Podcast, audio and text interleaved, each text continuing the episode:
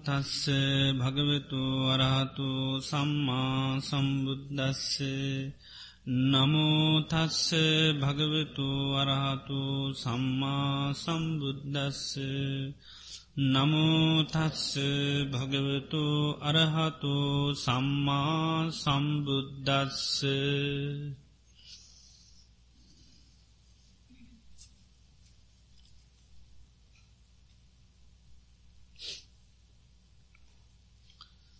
ශ්‍රද්ධාවන්ත පින්නොත්තන මේ මොහොතෙත් අපි අද දිනේදී ධර්ම සාකච්ඡාව ආරම්භ කරන්නටයි බලාපොරොත්තු වන්නේ. ඒ සඳහාදත් පස්න රාස්‍යඇත්තිනවා අපි අදත් ඒ ධර්ම සාකච්ඡාව පටන්ගමු කරු ස්වාමීන් වහන්සේ සත්‍යඥානී කෘතිඥානයේ කෘතඥානය කිය සිදුවෙන අන්දම කරුණාකර විස්තර කර දෙනු මැනෙන. දම්මචක්ක පවත්තන සූත්‍රයේ දේශනා කළ තියෙනවා ඒවන් ටිපරිවට්ටං ගාදසාකාරන් යථභූතන් ඥාන දස්සනං නසු විසුද්ධං අහෝසි කියලා බුදුරජාණන් වහන්සේ පරිවර්ත තුනකින් ආකාර දුළහකින් යුත්ත වූ යථභූත ඥාන දර්ශනය පහළ නොවූ ඒදේතාකල් සම්මා සම්බුද්ධ කියල ප්‍රතිඥා කරේ නෑ කියනවා. යම් විතක උන්වහන්සේට පරිවර්ත තුනකින් යුතු දවාදසාකාර ඥාන දර්ශනය පහළුනා දානයේ අවස්ථාව තම උන්වහන්සේ සම්මා සම්බුද්ධ කියලා ප්‍රතිඥා කරේ. එතකොට මේ චතුරාර් සත්‍ය ධර්මය තියෙනවා. මේ චතුරාර් සත්‍ය ධර්මී පිළිබඳව තමයි දවාදසාකාර ඥාන දර්ශනයක් ඇති කරගන්නේ එක ඥානය අස්සත්‍යයකට ඥාන තුනගානේ. එතකොට මේ දොළහක් බවට පත්වන එකකට තුනගාන ඥාන තොට දොළහක් තියෙනවා. තොට දුක්ක සත්‍යයට ඥාන තුනයි සමුද සත්‍යයට ඥාන තුනයි නිරෝධ සත්‍යයට තුනයි දුක නිරෝධගාමනි පටිපදා ආර්ය සත්‍යය ඥාන තුනයි. තොට දුක සත්‍යය පිළිබඳව ඥාන තුනක් ඇති කර ගණ්ඩෝනේ තමයි දුක ආර්ය සත්‍යයක් හැටියට අවබෝධ කර ගැනීම. ඊළඟට ඒ දුකට කළ යුතු දෙයක් තියෙනවා. ආනේ කළ යුතු දේ පිළිබඳව ඥානය ඇතිකන එකට කියන පෘත්තිය ඥානය පළවිනිකට කියෙන සත්‍ය ඥානය දෙවන එක පෘත්තිය ඥාන. ඊට පස්සේ දුක කමීට කළීතු දේ කල් අවසංගනවා එකට කියනවා කෘතඥානය කළ කරලා අවසංගුණාට පස්සේ ඇති වෙන ඥානය. එතෝට පලවෙනික සත්‍ය ඥානය දෙවනික කෘත්තිය ඥානය තුන්ගනික තමයි කෘතඥානය. ඊළඟට දුක්ක නිරෝධය ගත්තත් ඒකත් සමුදය ගත්තත් එතනත් ඥානතුනත් තියෙනවා දුක දුක හටගන්නේ මේ හේතුව කියයා හරියටම අවබෝධ කරගන්න එක තමයි අන්න සත්‍යඥානී. ඊළඟට ඒ සමුදේට කළේතු දෙයක් තියෙනවා. ආනේ එක කළේතුදේ අන්න පිළිබඳුව මේ ඇති ඒකට කියෙන කෘතිය ඥාන. ඊළඟට ඒ කළේතු දේ කරලා අවසං වනාට පස්ස ඥායකට කියෙන කෘතඥානය කියලා. නිරෝධ සත්‍ය පිළිබඳවත් එහෙමයි දුක් නැතිවන්නේ මෙහෙමයි කියලා අවබෝධ කරගන්න එක තමයි දුක සත්‍ය ඥානේ. ඉළඟට ඒකට කළේතු දෙයක් තියෙන ආනේ පිළිබඳව ඥානේ කෘතිය ඥානේ. කල් අවසාන වනාට පස ඥානයක් පාලනය කරකින කෘතඥානී. ඊළඟට නිරෝධ ගාමනි ප්‍රතිපදා පිළිබඳත් එහෙමයි. මේක තමයි දුක්කන නැති කරන්න වූ ක්‍රමය කියලා හරියටම අවබෝධ කරගන්නවා. ඒකට කෙන සත්‍යඥානේ ඊළඟට ඒ සඳහා කළ යුතු දෙයක්ත්තිනවා ඒ පිළිබඳ ඥානයටකින කෘතිය ඥානය කරල අවසං උනහට පස්ස ඥානයක් ඇතිවෙන එකට කියෙන කෘතඥානී කියලා. එතකොට මේ දුක්ක සත්‍යය ගත්තහම දැන් මේක තමයි දුක කියලා යම් විටක කෙනෙකුට අවබෝධ වනාන මේක තමයි දුක කියලා. ආන එතකොට යට සත්‍ය ඥානය ඇතිවෙන. ඒක අපි මේ සමත විපස්සනා භාවනා කිරීම තුළ විශේෂෙන් විපස්සනා භාවනා කිරීම තුළ අපි නිරන්තරයෙන්ම මේ දුක පිළිබඳව මේ දේවල් දුක කියලා අවබෝධ කරගන්න අපි භාවනාවේ යෙදෙනවා. එතකොට අපට මේ කාලයක් කරගඩ යනකොට අන්න විශේෂෙන් පංචුපාදානස්කන්දය ගත්තොත් ඒක ආදීනෝ බලන්න බලන්නමකද වෙන්නේ ආන ඒක දුකක් හැටියට අපිට අවබෝධගෙනවා. දැංගර පංචුපාදානස්කන්දය අපිට පිළිබඳව දුකක් හැටියට නෙවේ පේ නිශපක් හැටියට. ඒ නිසාම තමයි පංචුපාදානස්කන්දයට ඇලිලතියෙන්නේ. ඉතිං අපි සේ සද්ධර්මශ්‍රවනය කිරීම තුළ අපිට මෙන්න මේක දුකක් කියලා කියන. ඒ නිසාහිට පස්ස අපේ දුක අවබෝධ කරගන්නන්න මහන්සි ගන්නවා. ඉතින් යම් දවසක ඒ විදිහට අපි පුරුදු පුහුණු කරගෙන යනකොට යම්වෙලාව අපිට අවබෝධනුව මේක තමයි ඒ කාන්තෙම දුක කියන එක ඒකයි. සත්‍යය කිල්ල කියන්න සත්‍යඥානය කියල කැන ඒ ආය කවදාක්වත් වෙනස් වෙන එකක් වෙන්නේ නෑ තත් සත්‍යය කියනක තොන්න තතා අවිතතා අනං්‍යතා තතා කියන්නේ එසේමයි. මේක දුකමයි කියන එකයි. අනං්‍යතා වෙන එකක් නෙවේ වෙන තත්වකට මේක පත්වවෙන්න මේක දුකමයි. ඒකයි. තත්තා අවිතතා වෙනස් වෙනනේ අනං්‍යතා කියන වෙන සාක දෙයක්කට මේක පත්වෙන්න මේක ඒකාන්තෙම දුකක් කියන අවබෝධයට යනවා ඒකයි වෙනස් නොවන ස්තීර වසයම යාගේ හිතේ පේටනවා මේක තමයි දුක කියලා. ඒකම යාට අවබෝධයනවා මේ දුකට මොකක්ද කරණ්ඩෝනි. ඒ තමයි දුක්කං පරිින්්ඥය යන්දුක අවබෝධ කරන්න ඕනි කියලා ඥානයක් පාලන. ඒ නිසා ඊට පස්සයා පුළුවන්තරං උත්සා කරන්නේ දුක අවබෝධ කරගන්න. දුක අවබෝධ කරගන්න තවත් ඒකයි මේ පංචපාදානස්කන්දය පිළිබඳව තවදුරටත් ඒක අවබෝධ කරගන්නයා මේ ඒක තියෙන ආදීනු බලනවා. බලනකොට කාල යනකොට මේක සම්පූර්ණ පත්‍යක්ෂ වසයෙන්ම අවබෝධනවා. ඒ අවබෝධ වනාට පස්සේ මට අවබෝධ වනා කියලා ඥානයක් ඇතිවෙනවා. ඒ තමයි අන්න කුතක්ඥානය කියල කියන්න. ඒක ඇතිවෙන්නේ කාටද අන්න රහත් වන හම තමයි ඇතිවෙන්නේ භාගතුන් වහන්සට තමයි මුලින්ම ඇතිවුණේ ඊට පස්සේ අනි රහතන් වහන්සේලාටේ අන්න කුතක්ඥානය ඇතිවෙනවා. ඊළඟට සමදේ පිළිබඳවත් එහෙමයි මේක තමයි දුක හටගන්න හේතුව කියලා හරියටම අවබෝධ වෙනවා. මේ නිසා තමයි දුක හටගන්න කියලා. දැන් අපිට සාමාන්‍ය ලෝකෙ නිතරම අපි හේතු පල දහමක් හැටියට බලන්න නැති නිසා හැමදා හැම්වෙලේම බාහිරෝතමයි දුක හටගන්න හේතු හැටිට පේන්නේ. ඉතින් සාාවකෝ නිතරම් බලන දුක හටගන්න හේතුවේ තමයි මේ අන්න තන්නහාාව ප්‍රධාන තන්නහාව තමයි දුක හැටවීම හේතුව විවිධ කෙලෙස් උපකාර වෙන එක ප්‍රධාන දේ තමයි කැමැත්ත කැමැත්ත නිසා තමයි නිතරම දුක හටගන්න. තැන් අපිට අපි කැමැති නිසා දුක්ක විදිනවා කියලා තේරෙන්නේ නැහැ. ඒකයි. කැමැත්ත නිසා දුකහට ගන්නවා කියලා අපට තේරෙන්නේ නිසා අපි පුළුවන්තරන් දේවල් අල්ලාගන්න තමයි නිතරම බලන්නේ. හැමදේම අල්ල ගැනීම තුළ සැපතියෙනවා කියලා. එතකොට මේ අන්න අවබෝධය භාවනා කරනකොට යා නිතරම අයට අවබෝධනම කැමැත්ත නිසා දුක් විඳිනවා කළේ එතකොට තමයි අන්න යම් දවසක හරියට මාබෝධන මේ තන්නහාවයි දුකට හේතුව කියලා ආන එක තමයි සත්‍යඥාන. එතකොට ඒක අන්න වෙනස් නොවෙන එකක් බවට පත්වෙනවා. ඊළඟට එයා දන්න තන්නහාවට කරන්න ඕනිමකක්ද. ඒ තමයි අන්න පහා තබ්බං. එතොට එයට ඥානයක් උදන මේක අන්න ප්‍රහාණය කරන්න ඕනික. තන්නාව ප්‍රහා හේතුවතමයි ප්‍රහාණය කරන්න ඕනි කිය අවබෝධයට ය පත්වෙනවා. එතොට යා නිතරම වෑයම් කරන්නමකක්ද තන්නහා ප්‍රහාණය තන්නහා ප්‍රහාණය කරන්නන් තන්නහාාව තන්නහාාව පජංචිල එලින්න කොහෙද කියලා බලන්න තොටේ පංචුපාදානස්කුන්ද ආයතන තුළේ තොට ඒවා පිළිබඳ ආදීනු බලනවා ඒ බලන්න බලන්න අර තන්නහාවමකද වෙන්නේ ප්‍රහාණය වෙලා යනවා. එකයි. ආනේ ප්‍රහාණු වෙලා යම් දවසක ප්‍රහාණුනා කියලා අබෝධනානං එකට තමයි කෘත්ති ඥානය කියන්නේ. කෘතඥානය කියලා කියන්න.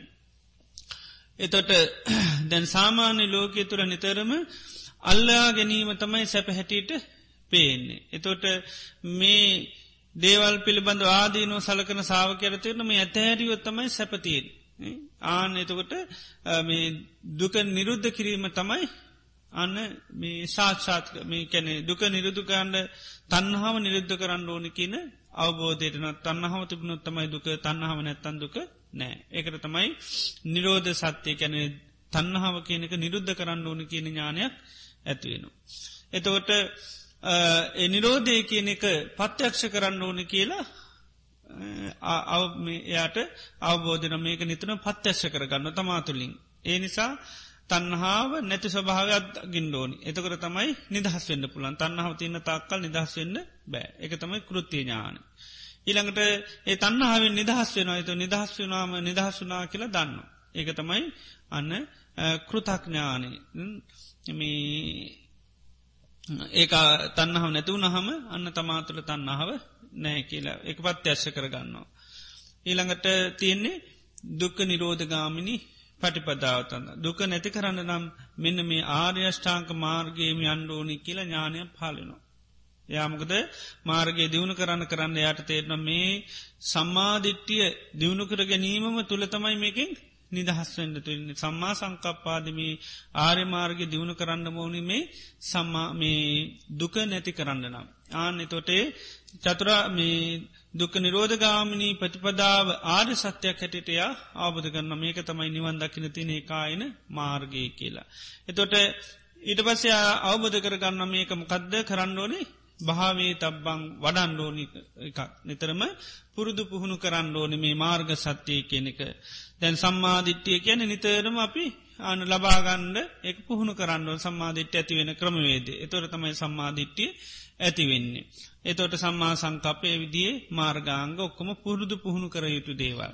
එතොට යාට ඒ ආරි මාර්ගයේ ගමන් කරලා ඒක පරිපූර්ණ වෙන සම්පූර්ණ තොට ඒ පිළිබඳව ඥානයක් ඇතින එක තමයි කෘතිය ඥාන කියන්නේ. මේ විදියට චතුරා සත්‍යය පිළිබඳව එක ඥානය එක ආරි සත්‍යකර ඥාන තුන වගේ එක තුන්න හම තමයි තිපරිවර්තය කැන මේ සත්‍ය ඥාන කෘති ඥාන කුතත් ඥාන කියන තුන ඒක අන්න චතුරා සත්‍යයට එකතු වනහම ඒක තමයි දවාදසාකාර ඥාන දස්සනය කියලා කියන්න. එතු රහත්වයට පත්වනකට තමයි කෙනෙක් මේ පරිපූර්ණ වසෙන්ම මේ දොළොස් ආකාර ඥාන දර්ශනය එක තමයි යථභූත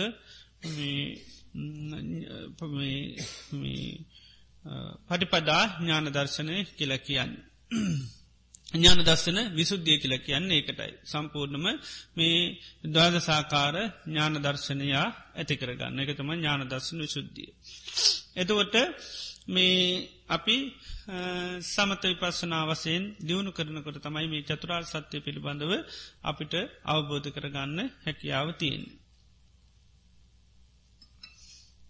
නිතරම යෝනු සෝමනස්කාරය යෙදෙන්නේ දෙන්න අන්න මේ මේ කාරණය දුකක් කියන කාබෝධ කරගන්න පුළුවන්.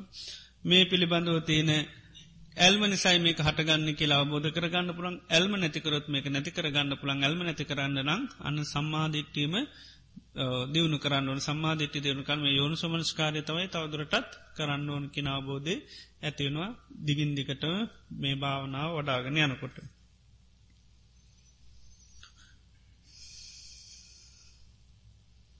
අනාගාමි උතුමන් රාගේ සහ දේශය දුරු කරති. නමුත් මාන්‍යය දුරුණවේ. පුතජ්ජන අපට එදිනෙදා ජීවිතයේදී මා නිසා දේශය උපදී. අනාගාමතුමන් වහන්සේලාට මා නිසා දේශය උපදින්නේ නැතිද. එතකොට දැන් සෑම කෙලේශයකම තියෙන ඕලාරික අවස්ථා සහ සියුම් ස්වභාවයක්.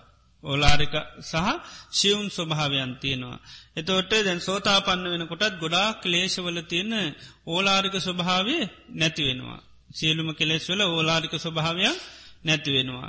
දැන් සෝතාපන්න කෙනෙක් වුණත් සාමාන්‍ය මාන්‍ය මුල් කරගෙන අකුසල් කරන විද්‍යයේ කැනෙ අපායගාමි අකුසල් වෙන්නේ නෑ මාන්‍ය මුල් කරගෙන අපායගාමි අකුසල් වෙන්න මොකද මාන්‍ය ඒ ස්වභාවයක් කඩලතින් ඒ ස්වභාවයක් කඩලතින්නේ නිසා මේ මේ ඒ වගේ කෙලෙස් ස්වභාවයන් සෝතාපන්නයට ඇතිවෙන්නෙත් නෑ. වගේ එක්ෙක් මාර්ග යන් පර්මණ සමහර කෙලෙස්වල සම්පූර්ණ බලය අයින් කරනවා.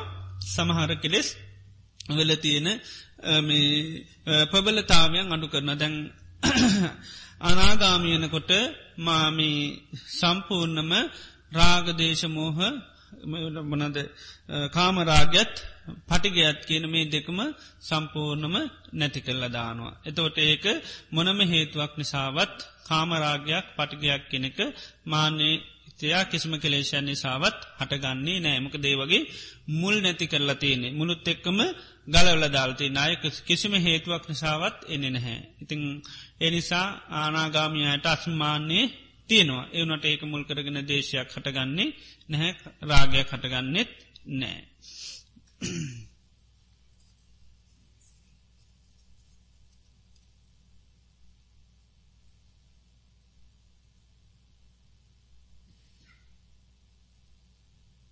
තැන් අවිද්‍යාශ්‍රව ගත්තත් අනාගාමයට ප්‍රමාණයකට තින නමුත් ඒක මුල් කරගෙනට රාගය එහෙම කාමරාග හටගන්නෙත් නෑ දේශය. හටගන්නෙත් නෑමක දේ ඒක මූලයන් සම්පූර්ණම සිින්තල දාලා තියෙන්. අප කොපමන පින්දහම් කළත් භාවනා කළත් මැරෙන මොහොතේදී අප තුළ හටගන්නා වූ සිත අනුව ඊළඟ ආත්මය හටගන්නේද එවිට ඉහත කරන පින්වලින් පින්වලින් ඉතිරි අපේ ඒ ඉදිරි ජීවිතට අදාළ වන්නේ කෙසේද දැන් බුදුරජාණන් වහන්සේ දේශනා තුළ උන්වහන්සේ සමහරයිව දේශනා කරනු අපිට නිතරම අප්‍රමාධ ඇති කරගන්න දේව. සමහර දේවල් නිතරම අප්‍රමාධ ඇති කරන්න දේවල් දේශනා කළතිනවා. සමහර ඒවා නිතරම අපිට දේශනා කළතිනවා සම්පහන්සනය හිතට සතුට. ඉළඟට තව පැතිකඩවලින් දේශනා කළතින අපිට අභිමානය කියනක ඇති කරගන්න. ඒ වගේ පැතිකට කීපයකි මේ ධර්මය අපි පාවිච්චි කරන්න උන්වහන්ස දේශනා කළතින එකම ස්වභාවයක නෑමකද හිත එක පැත්තකින් සත්‍යමත් කරගන්න ඕනි බල සම්පන්න කරගන්න ඕනි. අනි පැත්තෙන් හිත අප්‍රමාදයට පත් කරගන්න ඕනි. එක පැත්තිකින් හිත සතුටින් තියාගන්න ඕනි. මේ හැම පැත්තෙම හිත අපි වඩන්න ඕනි. අර එකට පෙන්න්නනවා මේ දැන් රත්තරං එහෙම මේම කරනට එකම විදිහට කරන්න කෙනෙ වර සමහල්ලාට රත් කරන සමහල්ලාට අයි වතුරදානෝ ආය තලනෝ ඊළඟට ආය හුළංගහනෝ ඒ වගේ වරින් වර වරින් වර එක එක තත්ත්වයන්ට පත් කරනවා. එතකට තමයි ඒක වැඩට යොදාගන්න පුළුවන්ගෙන රත්කරොත්මකද උනුවෙලාම යනවා. එක දිගටම රත්කරත්මක දෙන්නේ උනුවෙලාම යනවා. ඉති ඒ වගේ මේ හිතත් එහෙමයි විවිධ අවස්ථාව විවිධ තත්වයන්ට පත් කර ගන්නඩන එක පැත්තක මේක ප්‍රමාදයෙන් හිද අප්‍රමාද කර ගන්නත් ඕනි. අනි පැත්තෙන් මේ හිත සතුට කියන එක තියෙන්න්නට ඕන ඒ වගේ විවිධ අවස්ථාව මනසට අවශ්‍යයි. ඉති ඒ අවස්ථාව ඒ ස්වභාවයන් අපම කන එකම ස්වභාවකර ගියොත්මක වෙන්නර රත්තනං උුණු කරා වගේ වෙනවා.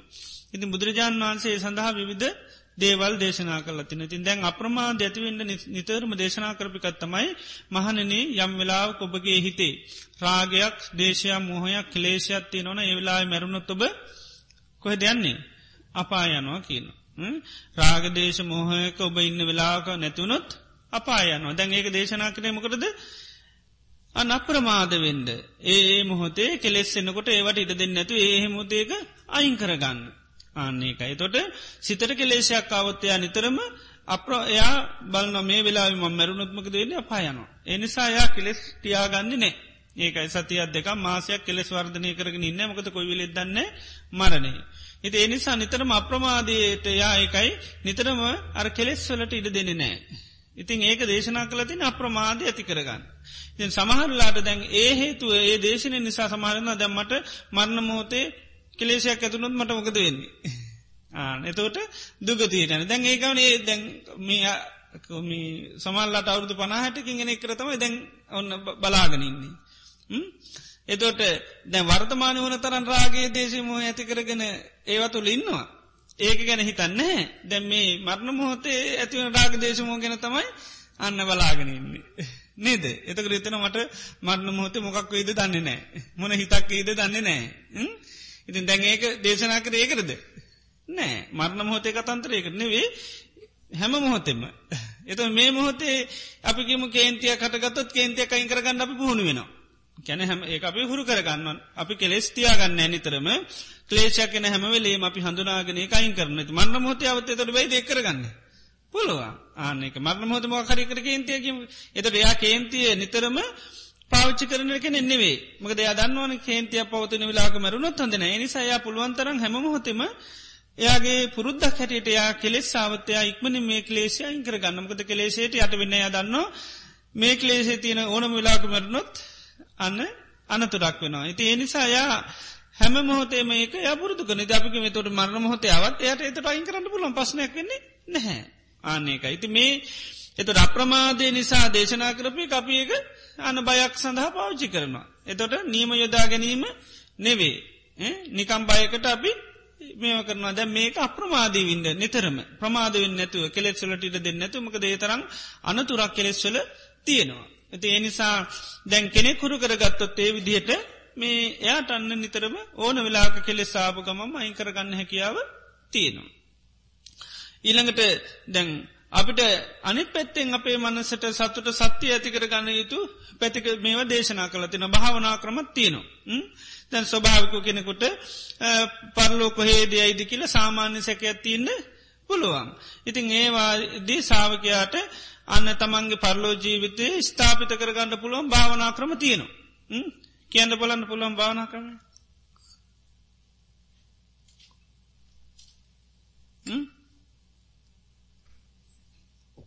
ගදද දේවතානුසතිය කියල තියෙනවා. දේවතානුසති කියල භාවනාවත්තියනවා ආනේ දේවතානුස්සති භාවනා වන්නයට චුතිතිත්තේ ගැන බයවෙන්ඩ දෙයක් නෑ. මකද කල් ඇතු වීස ගහගන්නවා. එත වීසතියනකොට දන්න යන්න කොයිද කියලා. නේද? යන රට හරියටම දන්න වීස කල් ඇතු ලැබිලා. ඒකයි. නැතුව ඒ රට කියල්ල විසකාගන්ඩියන්න නැතුව මේම ගාගෙන යනවා. එතොට අනිවාරෙන් දන්නවා යන්නේ කොහෙද කියලා. ආන්නේ වගේ දේවතානුස්සති වර්ණ කෙනාට ආන්නේ වගේ තත්ත්වයක් හිතේ සත්‍යයක් ඇතිවෙන ඒ වගේ ඒ වගේ පෞරුෂත්වයක් හිතේ ඇතිකර ගන්න පුළුවන්. එතොට දේවතානුස්සතිය හැමෝට මෙහෙම වඩන්න බෑ. දැන් දෙවියන්ගෙන්ට නිකම් බෑන නේද ඒට අදාළ ගුණ තියෙන් ොනි. තොට දේවතානුක්ෂති වර්ණ කෙනාට තියෙන් ොන් සද්ධාව තියෙන් ොන් සීල්ල සුත ත්‍යයාග පඥ්ඥා. ඒ පහ දියුණු කරපු කෙනෙකුට දේවතානුස්සතිය වඩන්න පුළුවන්. එතොට එයා කල්පනා කරනවා මේ ලෝකේ චාතුම් මහාරාජික තාවතින්ස යාම තුසිත නිර්මාණ රති පරනිම්මිත වසවත්ති ආදී දිවලෝකතින ඒටත් එහා ලෝකතියනවා. ආනේ ලෝකවල ඉපදුණු දෙවියම් මනුසලෝක ඉන්න කාලි සද්ධාව දියුණු කරා. ආනේ සද්ධාව මාතුලත් තියෙනවා. දෙවියෝ යම් සද්ධාවත් දියුණු කරන්න ආනේ සද්ධහා මාතුර තින දෙවියෝ යම් ත්‍යයාගයක් දියුණු කරන්න ඒ ත්‍යයාග මාළඟ තියෙන දෙවියෝ යන් සීලයක් දියුණු කරන්න ඒ සීලේ මාතුර තියෙනවා. දෙවියන් යම් ධර්මඥානය දියුණු කරනම් මනුසිජිත ඒ ධර්මඥානය මාළඟත්තින දෙවියන් යම් ප්‍රඥාවත් දියුණු කරනම් ආනේ ප්‍රඥාමාතුළ තියෙනවා. තින් මේවා දියුණු කල්ල තමයි දේවා දෙවියන් දේවත්වයට ගිය එන මාතුළත් මේවා තියෙනවනේ මට ඒක මහාලාභයක් හැටිට යාට ඒ සීකරනකොට ලොකු සතුටක් ඇතිවෙනවා. ඉතින් ඒක බුදුරජාන් වන්සේ පෙන්න්නනවා දේවතානුසතිය වැඩීම හදියට උපමාවකට පෙන්නවා රත්තරම් ඔබ මට්ටං කරනවා වගේ. සමහරලාට රත්තරං ඒවා පේන්නේ රත්තනං කියලා. මොකද දූවිලිති නොනේ දූලි වැැහුණා මොක දෙන්නේ. රත්තරම් වැහිල යනවා ඒවගේ සමහරයගේ හිත්වල දූවිලි තිනමං කොහෙ අයිද දන්නෑ කියලා. ඒ දූවිල්ලෙමක දෙන්නේ රත්තරම් වැහිල යනවා. ඉතින් දේවතානුස්සති වඩනකටමක දෙන්නේ. ආනර රත්තරං උපමට්ටන් කරබහම බැලූ බැල්මටයි කිසි සැකයක් නෑ රත්තරම්ම තමයි. මොකද හොඳටම පොලිස් කල්ලා තියෙන්නේ. ආය සැකයන්නෑ බැලූ බැල්මටම රත්තරම් ආන්නේ වගේ දේවතානුස්සති වැඩි හාම ආන්නේ වගේ කියනවා. එයාට ආය සැකයක් නැහැ. තමන් කොහෙ දුපදින්න කියලා කල් ඇතුවම ආන්න තමන් දන්න. ඉතිං ඒ නිසා මේ සාාවකයාට අන්න මේවා දියුණුකොරත් තමන් උපදින තැන අනිස්ථාපතය තොට බයින් බයින් ඕන්න මට මර මරණා සන්නමකක්ද මතක් වෙන්නකින් මරණා සන්න මතක් වේ අන්න සද්ධාසීර සතියාග පඥම මතක් වේ දේවතානුස්සති කරාව ඒ වගේ.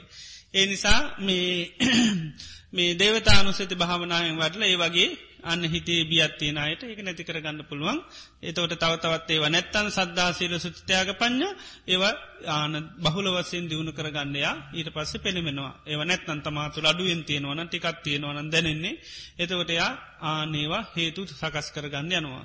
මකද නිතරම හේතු පල දහමක් අනුවතමයි දේවල් සිද්ධ වෙන්නේ.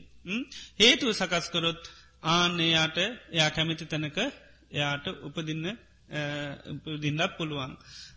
මේ සංකාරුපත්ති කියල සූත්‍රයක් තියනවා මේ සද්ධහා සීල සුතතියාග පඥ්ඥා දියුණු කරනයට තමා කැමති ලෝකයක සිත පිහිටුව ගන්න පුළුවන්. මොකද සල්ලි තියෙනවනන් ඕනුව රටක යන්න පුළුවන් සල්ලි නැතුව බෑ. නෙද ඒ නිසා ඒ වගේ මේ දියුණු කරනයට ඔන්නන් කැමතිනම් ටාතු මහරාජික තාවතින්ස නිර්මාණ රත්ති පරිණිමිත වසවත්ති. ඒට අන්ඩ පුලන් ඒට හා බ්‍රහ්මලෝක අන්න ඔන්නම් පොඩ්ඩත්තව ආන කවුන්ටික වැඩි කර ගණ්ඩෝනි ඒ තමයි ආන ප්‍රඥාව දියුණු කරණ්ඩෝනි හොඳටම සමතයත් එක්ක. එතකොටාන්න ඒ ලෝකට අන්ඩක් පුළුවන් අනාගාමියන්නම් ප්‍රඥාව පැත්තෙන් ඒකයි සද්ධාසීර සුතයාගේ ප්‍රඥාව අන්න බහුල වසයෙන් වන්න තෝට අනාගාමියෙන්ට පුළුවන් තුර බ්‍රහමලෝ ගිල්ල උපදී. මේ පහම තවත් උපරිම වඩනවා. එතොට කොහේවත් නූපදින්න ආන්න පුළුවන්. ඉතින් ඒ නිසා මේ සාාවකයාට එහෙම විශේෂෙන් බෞද්ධයට මේ තමන් මරණාසන්නමකද වෙන්නේ එක හිත හිද ඉද දෙයක් නැහැ. තියෙන්නේ හේතු හදන්න හේතු හැදුවත් මොකද වෙන්නේ පල ලැබෙනවන. ඇති ඒවට අදාළ කොච්චරවත් දේශනා කරනවා. මයි සද්ධහමත්තම් පේමමත්තන් සගේ සබ්බේතේ සග්ග පරායනා මා කෙරෙහි කෙන භාගතුන් වහන්සේ කෙරේ යම් කෙනෙකුට සද්ධහා මාත්‍රය පේම මාත්‍ර ඇතින ඒ අයත් සබ්බේතේ සග්ග පරායන ස්වර්ගපතිනවා කියනවා. අධි මාත්‍ර ලෙස තතාගතයන් වහන්සේ පිළිබඳ ලොකූ පැහැදීමක් ගෞරවයක් ප්‍රේමයක් තියෙනවා නං ඒ අයොක්කම උපදින්නේ කොහෙද ආන සුවගති ලෝකොල පුදින්නේ.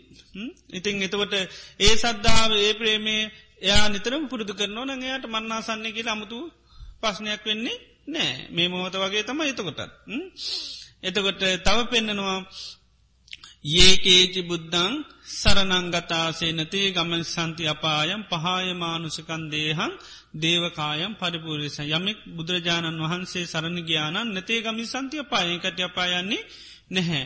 පහායමානුසකන් දේහන් දේහකායම් පරිපූරිස් සන්ති. එය අය මිනිස් දේහ ඇතෑරියට පසේ දේවත්වයට පත්වෙනවා. ඇති නිසා හරියට බුදුරජාණන් වහන්සේ සරණ ගානන් සරණයන්නවා කියන වචනයෙන් කියන එක විතරක් නෙවේ.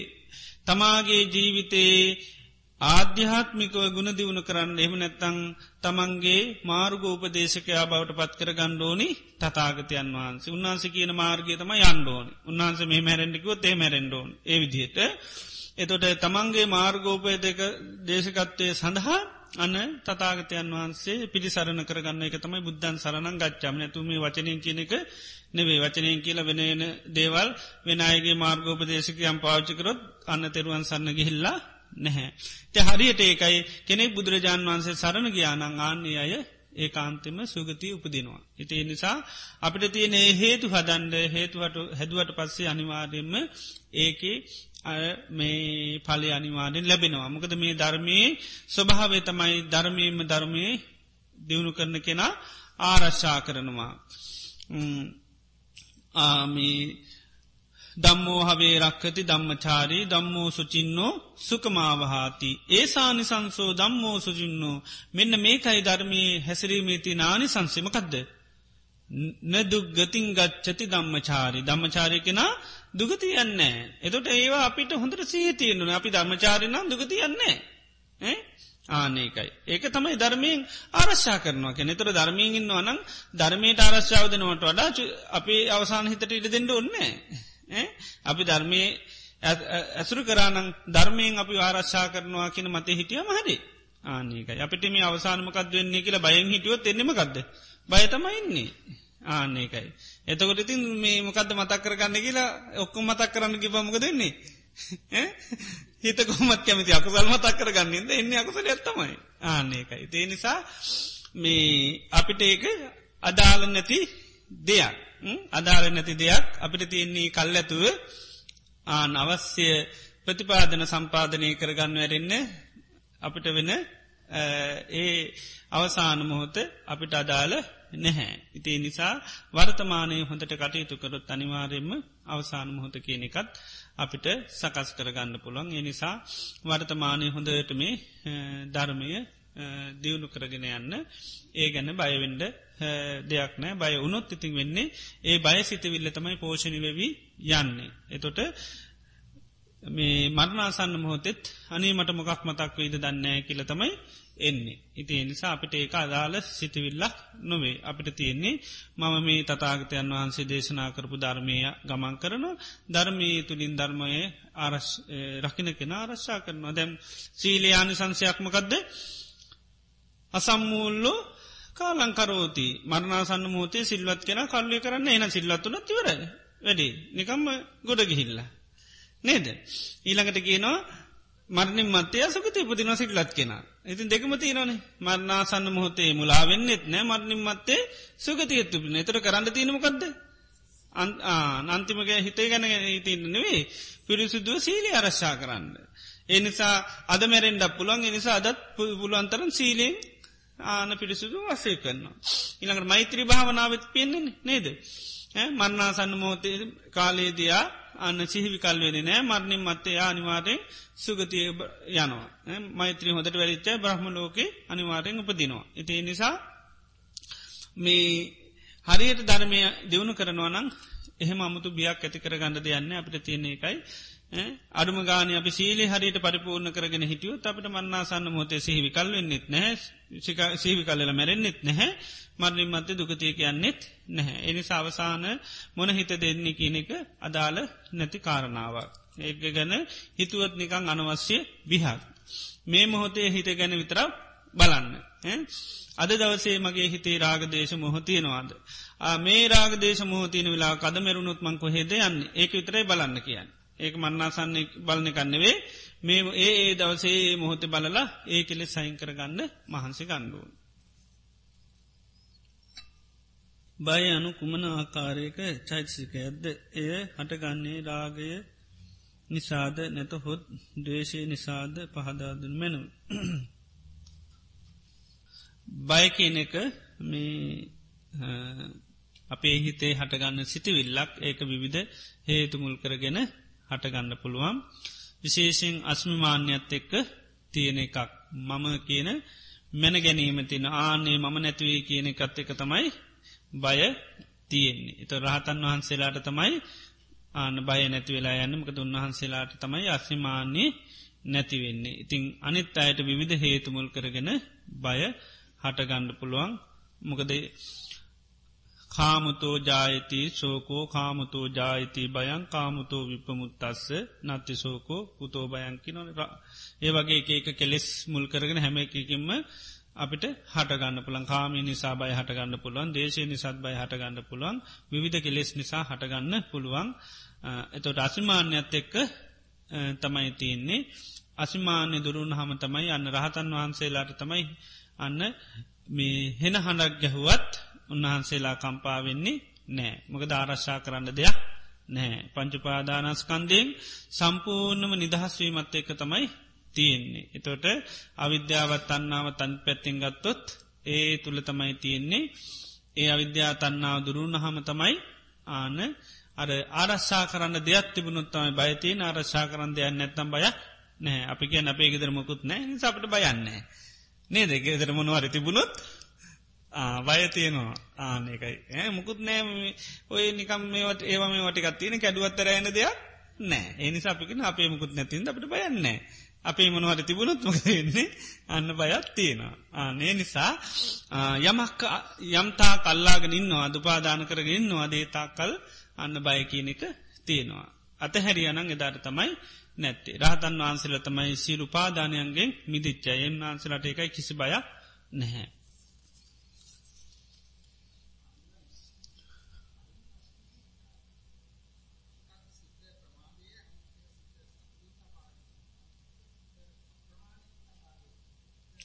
මගේ පෞරුෂත්වය කෙනෙක හිතට තියෙන් අපිට කැනෙ අපිට දැන් තෙරුවන් සරණයමතිර ලැබිල තියෙන ඒ මේ ඒකට අපි අභිමානය කියල කැනෙ පිළිබඳව අපි යම් සත්‍යයක් ගණ්ඩෝන අපි තෙරුව ම තෙරුවන් සන්න ගිය කෙනෙක්. ඒනි සමට අන්න බයවෙන් දෙයක් නෑ. මකද බුදුරන් වන්ස් කියනවා උන්වහන්සේ කරේ අන්න සද්ධා මාත්‍ර පේම මාත්‍රයක් තිය නොනගේ ඔක්කොම ස්වර්ගය යනයි. ඉති අපි දැගේ වගේ බියක් වෙන වෙලාවකට අනේ මට මරනාසන්න මොකක් වේද දන්නේ කියල බියක්කාවත් හිටන්න ඕනේ. අන්න මම තෙරුවන් සරණගේ කෙනෙක් බුදුරජන් වහන්සේ කරේ අල්පමකැනෙ මහත් වූ ප්‍රේමයක් බත්ති අත්තිය නොනගේ ඔක්කොම සුගතියනවා. ඒවගේ මේ සද්ධා සිල සුතතියාග දියුණු කරන අය අන සුගති ලෝකල උපදිනති මං ඒ වගේ ගුණ දහම් ධර්මතා දියුණු කරන කෙනෙක් එනිසා මේ ධර්මීම මාව ආරශ්ා කරනවා. එති ඒ වගේ අර තමා තුළ තියෙන ධර්මය ඉස්මතු කරගෙන තමන්ට හයියක් ගන්න පුළුවන්. අපි මාන්‍යකැන මොනහට අරගෙන මැනගන්න ඒ වගේ ධර්මය ඉදිරියට ඇරගෙන ආන අපිට යම් මානසික හයියක් ඇතිකර ගන්න පුළුවන්.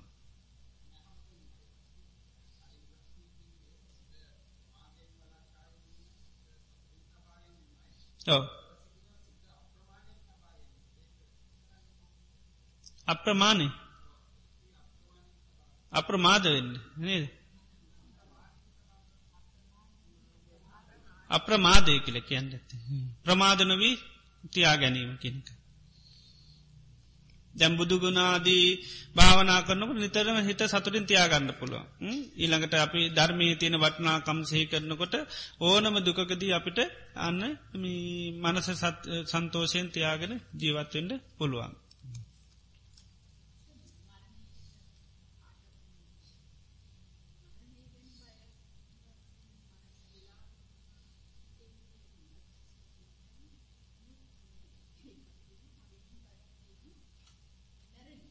ඕ ඒ අයට මැරෙනවාම කිය මැරෙනවාම කියල පිළිගණඩ කියන්නඩ නතොට අරේති බයවෙන්නද යන්න ඇත නේද? ඒකයි. ඒකයි මරණ සතියම වඩන්න ඕන. ඕ මරණානුස්සති වඩන්න ඕන. මොකද ඒක පිළිගණ්ඩ ඕනෙ දැම් පිළිගණ්ඩක් මැති නිසාන බයි. ඒකයි. අපි අපිට ඒ අපිට උරුම දෙයක් ඉති උරුමදේ අපි අනිවාරෙන් බාර ගණ්ඩෝන ඒක බයවුනත් නැතත් අනිවාරය මරණයට පත්වෙනවා. එතිේ නිසා භාරගත්තොත් ඒක අන්න පහසුවෙන් යන්න පුළුවන්. නේද.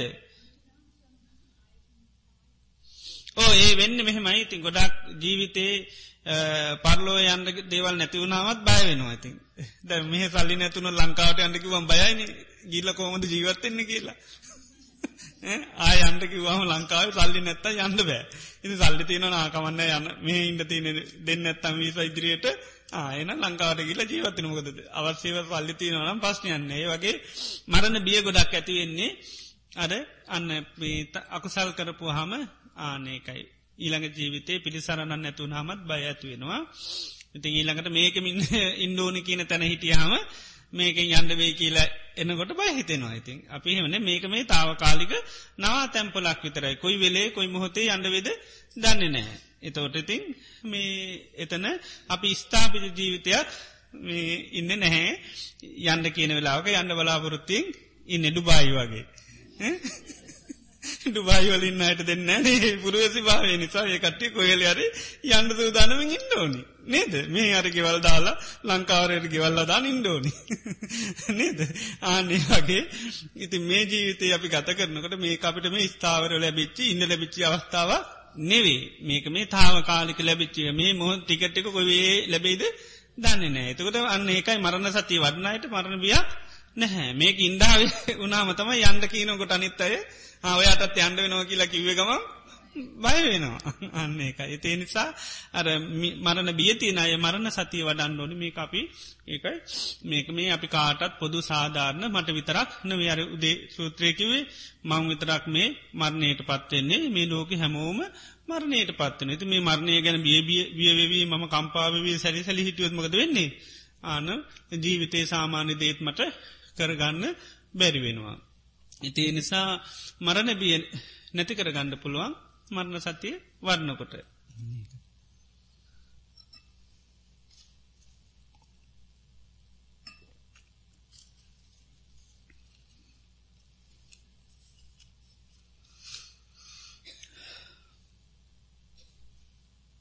අපට සක්මම් භාවනා පටන් ගැන්මේ සිත අවසානය දක්වා පැහැදිලි කර දෙනමින් ඉතා ගෞරුවෙන් ඉල්ලා සිටිමි. සිහිය පිහිටුවන තෙක් සිත එකලස් වන තෙක් වේගෙන් සක්මං කර ඉම් පසුව වේග අඩුකර සක්මං භාවනා කිරීම නිවැරදිද යන්නත් අනුකම්පාවෙන් පැහැදිලි කර දෙනමින් ඉල්ලා සිටිමි. එතොට සක්මම් භාවනා ගත්තාම් අපි කම කීපයකට කරන්න පුළුවන් විශේෂෙන් ආනාපාන සතියෙන් වටනයට සක්මම් භාවනාවට ගේපුවාම ඉරියාව පිළිබඳව හොඳට සීහ පීටවාගෙන සක්මං කරන්න පුළුවන්. සක්මම් භාවනා කරනකට පුළුවන්තරම් වේගේ අඩු කරගන්න තරමට හොඳයි සරීරේ සමල්ලාට අපිට සමත් නිදි මතකතියක් ඒ වගේ අප්‍රාණි ගති ඇති නොන්ටිකක් වේගෙන් එහෙමේ පොඩ්ඩක් සක්මං කරාට කමන්නෑ එහෙම නැති හැම් වෙලේම් පුළුවන් තරං අන්න හිමීට කරන තරමට හිත සමාධිකත්වන මොකද හිත කය තැම්පත්වෙනකොට හිතත් තැම්පත්වෙනවා කයවේගවත් වෙනකොට හිතත් වේග වෙනවා. සාමාන්‍යෙන් කය වේග වෙනකට හුස්මත් වේග වේගත්වෙනවා නේද? වේගෙන්ගේ පාම හුස්මත් වැඩියෙනවා වේගේ. ඉති ඒ නිසා සක්මම් භාවනාවේදී පුළුවන්තරම් වේගේ අඩුවෙන් කරන තරමට තමයි ඕනම භාවනාවක් කරනකොට සක්මං ඉරියව්ව කියන එක බොහෝම හිමීට තබමින් තමයි වෙනත් භාවනමන අපි ගත්තොත් මේ මෛත්‍රී භාවනාවක් කරන්නට ඒ සක්ම නිදිත් මෛත්‍රී කරන්න පුළන් හැබැයි අර ඉරියව් අපි සාමාන්‍ය විදියට හිමීට තියමීම කරන්න ඕනි. ඉතිං ඉරියව් වසයෙන් බලලා සක්මං කරනයට ඉතින් සක්මනී කරන ඉස්සල්ලාම ගිහිල්ල තමන් සම සක්මං කරන්න තීරුවක් මෙම කරගන්න මේ මේතරමන් සක්මං කරනවා කියලා. ඊට පස්සේ ඒ තීරුවේ ම හොඳ සක්මං කරන්න ඉතිං සක්මනය කරවට ගේල හිටගෙන ඉස්සල්ල තමන් සහ පීටුව ගන්න දැම්මම් මේ හිටගෙන ඉන්නේ. සේ කල්ල දැම්මම් මේ සූදානං වෙන්නේ සක්මං කරන්න. මේ සක්මාං භාවනාවෙන් කියන්නෙත් බුදුරජාණන් වහන්සේ අපිට භාවනා කරන්න දේශනා කරපු ඉරියව්වා ඒ නිසාමං හොඳට සිහිය නුවන පෙරදැරි කරගෙන මේ සක්මනයේ යෙදෙනවා. ඊළඟට සක්මං කිරීමේ භාවනාවති නාන් සංසත්තිතලා ඊට පස්ස මං හොඳ සිහියෙන් කල්පනාවෙන් දැම්මේ ඉදිරියට ගමන් කරනවා කියල අන්න පයෝසෝනකොට ඔසෝනවා යවනකොට යවනෝ තබනකට තබනවා කියලා පියවරට හොඳට සහිතියාගෙන දිගටම ඉතින් සක්මං කර කර යන්න පුළුවන්. එතේ සක්මනෙත් හිත දුවනවනන් නිතරම මං බොහෝම සිහියෙන් කල්පනාව මේ සක්මං කරනවා කියලා සිහි උපදවාගෙන කෙරවර දක්වා ගේල්ලා කෙරවටගේ පාම නවතු නාම නැවතුන බව සිහි කරනවා ඊට පස්සේ හැරනකොට හැරන බව අය හැරල හිටගෙන ආයත් ඉන්නඩියාවට සහ පීටවාගෙන දැම්මං ආයමත් ඊළඟ පැත්ත කරා සක්මං කරන මෙතනිදිත්මම් සෑම පියවරක්ම සිහියෙන් තබමින් හොඳ සහි කල්පනාමින් කරනවා කරායත් අනි පැත්තට සක්මං කරනවා. ඒ ඉරියව් විදිහට. ඉල්ළඟට මෛත්‍රී භාවනා වගේ කරනවා නං අර වගේම මේ සක්මනය කරවට ගිහිල්ලා සිහිය උපදවාගෙන දැම්මන් සක්මම් භාවනා කන මේ මොහොතේ දීත් මම සියලු සත්‍යයන්ට මෛත්‍රී කරනවා කියලා අර මේ මෛත්‍රී සිත පවත්තමින් සබ්බේ සත්තා භවන්තු සුකතත්තා කියලා ඒ සිතිවිල්ල සිතින් පවත්තමින් සාමාන්‍ය විදිටිරියවතීමි සක්මං කරන්න පුළන් අට්ටික සංඥා කරනවානම් මේ කය යට සැකිල්ලත් තියන්නේ කියලා සහිකරමින් හිමීට පියවර තබමින් සක්මම් භාවනා කරන්න පුළන් කෙරවරට ගිය පහම නවතින බවසේ කරන ඉට පස් හැරුණහම හැරෙනවා. ඉට පස්සේ හිටගෙන ඉන්නකට ඉන්නවා කියල සේකල. ආයත් සිහ පේරගන්න මං ආයත් මෛත්‍රී කරන නමෛත්‍රිය එම නැත්තං අටික සංඥාවරන්නනම් ඒ අටික සංඥාවරනවා කියලා සිහ උපදවාගෙන ආය තර මනසිකාරයෙන් හිමීට පියවර තබමි ඉදිරියට එනවා. තේවිදියට සක්මං කරන්න පුළුවන්. ඉතර වගේ දෙයක් කනකට හිත හොඳ සමාධිකත වෙන ඉතින් සක්මනයේදී අපිට සමාධයක් ඇතුනොත් එහෙක බොහොම බලගත්තුයි කියල බුදුරජාන් වහන්සේ දේශනා කරනවා. සක්මන් භාවනාවේදී ලබාගන්න සමාධි හරි බලගත්තුයි කියල. ඉතින් ඒ විදියට මේ විවිධ භාවනා ක්‍රමයන් සක්මනේදිත් කරන්න පුළන් බහුල වසිං තින් ගොඩක් අය කරන්නේ ඉරියාව පිළිබඳව. ඒකත් විවිධ විදිහට අවස්ථා කීපයක කරන්න පුළුවන්කම තියෙන්.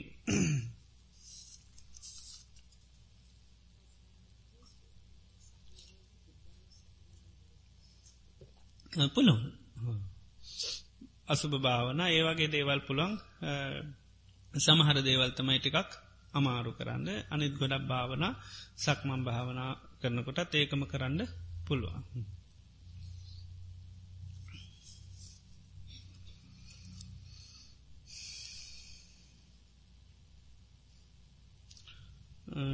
ඔබහන්සේ දේශනා කළ අලබනීය ධර්ම නිතර නිතර සීගන්වා අවබෝධ කිරීම ජීවිතයට හමුවන සියලු ධර්මතාවයන් කෙරෙහි උපේක්ෂාවෙන් බැලීම හුරුකරවා හුරු කරනවා නේද මෙය නිබිඩාට යොමුණආකාරය පහදාදනු මැනව.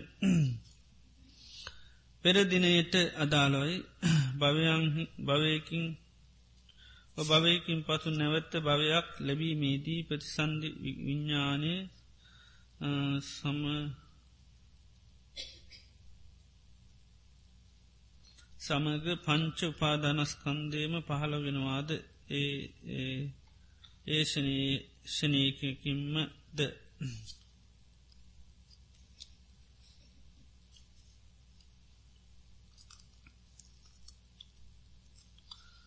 දැන් අලබ්බටනීය ටාන සූත්‍රයේත් දී බුදුරජාණන් වහන්සේ අපේ ජීවිතේ අපිට ලබන්න බැරි දේවල් ලබන්න පුළුවන් මොනවද කියන එක තේරුම් ගන්න. තොර කරුණු පහක් අපිට ලබාගන්න බැඩි දේවල් හැටියට දේශනා කර. ඉතින් අපි දැන් ජරාව ගැන ඊළඟට ව්‍යාදිය ගැන මරණය ගැන සිරු දේවල් වෙනස් වෙනවා කියන මේවා ගැන නිතර ඒ යථාර්ථය සේකරන්න සේකරන්න ඒත් ඇතිවෙන්නේ නිබ්බිදාවයි. නිබ්බිදාව තමයි ඇතිවෙන්නේ දැන් අපි රූපය ගත්තු කය ගත්තොත් එහෙම මේ මේක දිරා පත්වෙනවා කියලා නිතර සිහිකිරීම තුළමකක්ද ඇතිවෙන්නේ නිත්‍යය කියල ධනිත්‍යය කියලද? අනිත්‍යයයි ඉති යම අනිත්‍යය නං එතන තියෙනමකක්ද සැබද දුකක්ද? දුකායි. යම අනිත්‍යය නන් දුකනම් ආනෙතන මමේ මාගේ මට අයිතිය කියලා ගණ්ඩ ආන දෙයක් නෑ. එතෝට අන්න කලකිරීම කියන ඇතිවෙන මේ කල්ලාගෙන මේක මමේමාගේ කියල පැවැත්වීම තුළ කිසි හරයක් නැහැමකොද මේක දිරාපත් වෙලා යන දෙයක්. තෙතොට ආදීනු සේකරනු සම්පූර්ණ නිබ්බිධාව තමයි ඇතිවෙන්නේ නිබ්බිධාව ඇතුවනොත්මකද වෙන්නේ? අර කය පිළිබඳව තියෙන ආන දැඩි චන්දරාගේ දුර්වෙලයනවා. කය පිළිබඳව තියෙන ආනස්මී එකට කියනවා මදය කියලා. මත්ගතිය නැතිවෙලා යනවා. එතකට පොකුරුති පුද්ජලි බවට පත්වෙනවා. වෙරි හිදුනහම පොකුරුතු වෙනවා වගේ එතකොට අන්න මේ කය පිළිබඳව යම් මත්වී මත්ති බනං ඒ මත්වීම් නැතිවෙලා යනවා. ඉති තොට මේ සම්පූර්ණ නිබ්බිධාව ඇතිවෙන මේක අතාර්ථය නිතර කෙනෙක් බලනවානන් ජරාව ගැන මරණය ගැන සීරුදී අතහැල්ල යන ලෙඩ වෙනවා ගැන මේවා ගැන සිහි කරන්න සහි කරන්න ඒක තියන ඇත්ත ස්වභාවේම වැටේන ඇතුවට කලකිරීමක් ඇතිවෙනවා. සෑම දෙයක්ම ඇත්ත ස්වභාවේ නොදැක්ක නිසා තමයි බලාපොරොත්තු තියාගෙන ඉන්නේ. ඒ බලාපොරොත්තු තියෙනෙක් ඒක මේ ඇත්ත ස්වභාවේ නොදකින නිසා. ඉතිං එතොට බලාපොරොත්තු තියෙන තැන හිත බැඳෙනවාද නැද්ද. බැඳෙනවා ආනකයි. එතුවට බලාපොරොත්තු තියාගන්න බැයිනං එතන හිත බැඳින්නේ නැහැ බැඳිල වැඩන්නෑ කියලා අවබෝධ වෙනවා ආනකයි. එතොට නිබ්බිධාව කියන ඇතිකර ගන්නත් ඒ පුළුවන් මේවා ගැන නිතර සීකිරීම තුළ. එතොට අපි මේ මරණින් මත්තේ අපි ඒ ප්‍රකාශ කරේ අපි ඊළඟ ජීවිතයකට යනකොට අපේ මැරෙන්නෙත් පංචුපාදානස්කන්දයක් ආය පිළිසිඳ කරන්නවා කියලා කියන්නෙත් පංචුපාදානස්කන්දයක් විඤ්ඥානය සාමාන්‍ය අපි කියනවා විඤ්ඥානය පිළිසිඳ කරන්නවා කර නමුත් ඒක තියෙන්නේ අන්න මේ පංචුපාදානස්කන්දයක් තියෙන්නේ. හිට ඒක ක්‍යාකාරිත්වයන් වෙන්ඩ කාලයක් සමහරලාට යනවා. උපදිච්චි වෙලේම සමල්ලාට නෑ. ඉපදිලා ටික ටික ටික මෝරණකොට තමයි ආන්න ඒ දරුවට මේ පංචුපාදානස්කන්දය ක්‍යාකාරිත්‍යයන් දැනෙන්නේ. ඒ නිසා තමයි සාමාන්‍යයෙන් අපිට මතකත් නැති. නේද. මවකුසල ඉඳල ඉන්න කාලයේදී යම් ප්‍රමාණයක කිසිවත් තේරෙන් නැතුව ඊට පස්ස තමයි යන්න පොඩ්ඩ පොඩ්ඩායි වැඩනකට වැඩනකොට තමයි තේරෙන්නේ. ඉතින් ඒ නිසා නමුත් අපි ගිහිල්ල මවකුසක පිළිසිඳ ගන්නවා කැනෙත් පංචුපාදානස්කන්දේ ප්‍රතිලාභයත්තමයි ඒක වැඩෙන් ඩෝනිතකට තමයි ඒක ආකාරිත්‍යයන් තියෙන්නේ.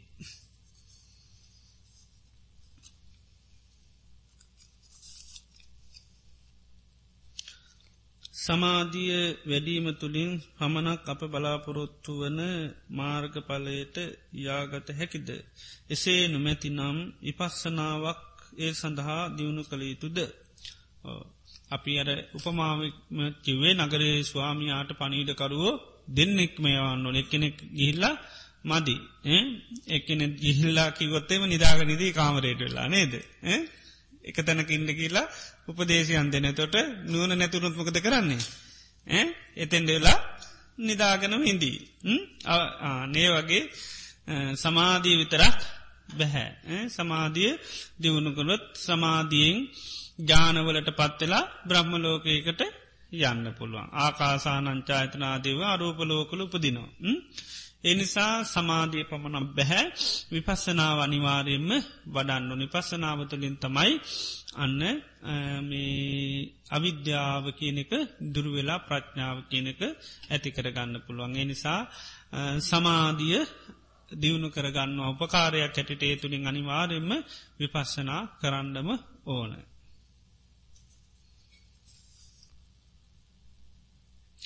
ඉඳගෙන භාවනා කිරීමේදී අට්ටික භාවනාවත් ඇවිදිගෙන පිට දැන ගැනීම ගැන සිතමින් දැනීම ගැන සිතමින් ඇවිදීමත් කළ හැකිද.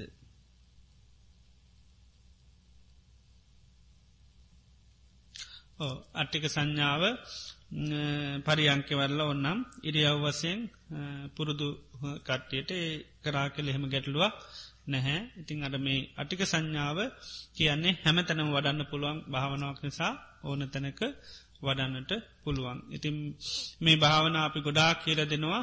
ඉතිං එක කෙනා තමන්ට පහසු ක්‍රමයකට භාවනා කාණ්ඩෝනි ඔක්කොම කරන්න ඕනි කියලා එක පාට මේ වෙන්න එපා.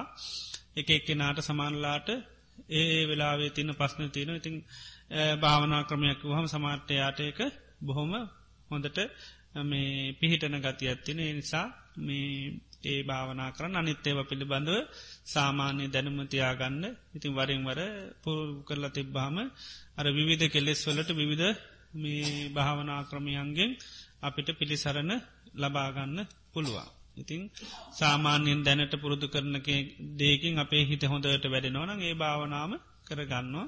තිං අර බහුතරයක් අයට විධ දේවල්තින ති අපේ නිසා බුදුරජාන් වන්ස විවිධ විදිහ මේවා දේශනා කරලා තින තින් ඒවා අපි දැන ඉගෙනගෙන තියාගන්නවා අවශ්‍ය වෙලාව අපිට ඒවා පාවිච්චි කරන්නත් පුළුවන් ඒවා හොඳට ක්‍රමවේදේ දැනගෙන හිටිය හම මේ භාවනාව කරන්න මෙහෙමයි කියලා ඒකයි. දැන් ධර්මය කියලා කියන්නේ ආවුද ගබඩාවක් වගේ කියනවා. මොකදද ආවුද ගබඩාවක් වගේ. දේ ආවුද ගබඩාවදේ නාවුද ටිකක් කුරු කරගෙන ඉන්දෝනි. නැත්තන් ඒ වෙලාවේ මේ පෙට්ටිය කඩලා නේද. බැලුවත්තේම සතුර ඇවිල ගහලනකක් හොයන්ඩ බැරිවෙනවා. ඉති නිසා ටිකක් අතට හුරු කරගෙන තියාගත්තාම ආවුද නේද.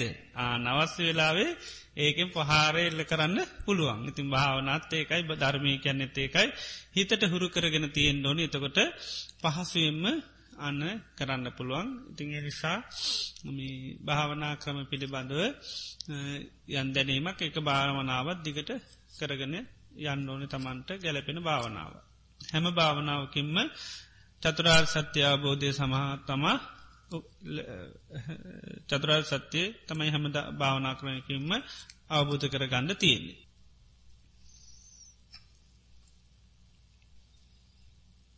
විකාල භෝජනය ශිස්සාපදය සමාදං වූ පසුව එය ඊළඟ දිනයේ හිරු උදාවන තුරු රැකිය යුතු නේද? රාතයට ආහාර ගැනීම පැලකිය සිටිය යුතුයි නේද? එහෙමයි.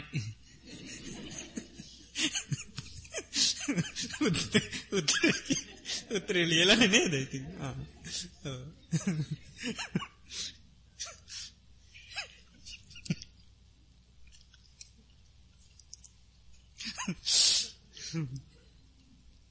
තොට මේ සෑමන් සිත්සාපදයක්ම සමාදං වනකොට දිවාරෑ දෙකේ අද මේ අපි සිහිපත් කරන්නේ රාතන් වහන්සේලා දිවිය ඇතිතා කල්ම අන්න විකාල භෝජනය වැල ක්‍රමවත් මේ දිවාකාරෙත් ත්‍රාත්‍රී කාලෙත් විකාල භෝජනය වලකිනවා. එසේ කිරීමෙන් රහතන් වහන්සේ අමනු අනුගමනය කරාවෙනවා හිවගේම පෝසතිද සමාදන් වුණා.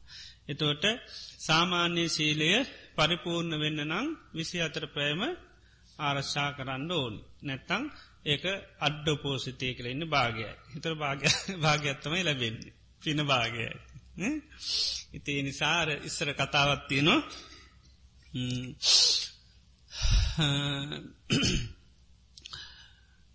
අනවත පින්ඩික සිට්තුමාගේ මාලිගේ සේවකෙක් හිටිය. එයා සාමාන්‍ය නිතර සේවා කරන කෙනෙක් නෙවේ ඉතිං එයා ඒ මාලිගාවට වරින්වර ඇවිල්ල උදව් උපකාර කරලා ජීවත්වෙන කෙනෙක් ති මෙයා දවසක් සිටුමාලිගේ වැඩකට කෙලින්ම සිටුමාලිගේට එන්නැතුව වැඩේට ගිහිල්ල හවස්වාරුවේ ආව වැඩේ කරලා අවසානය ආව.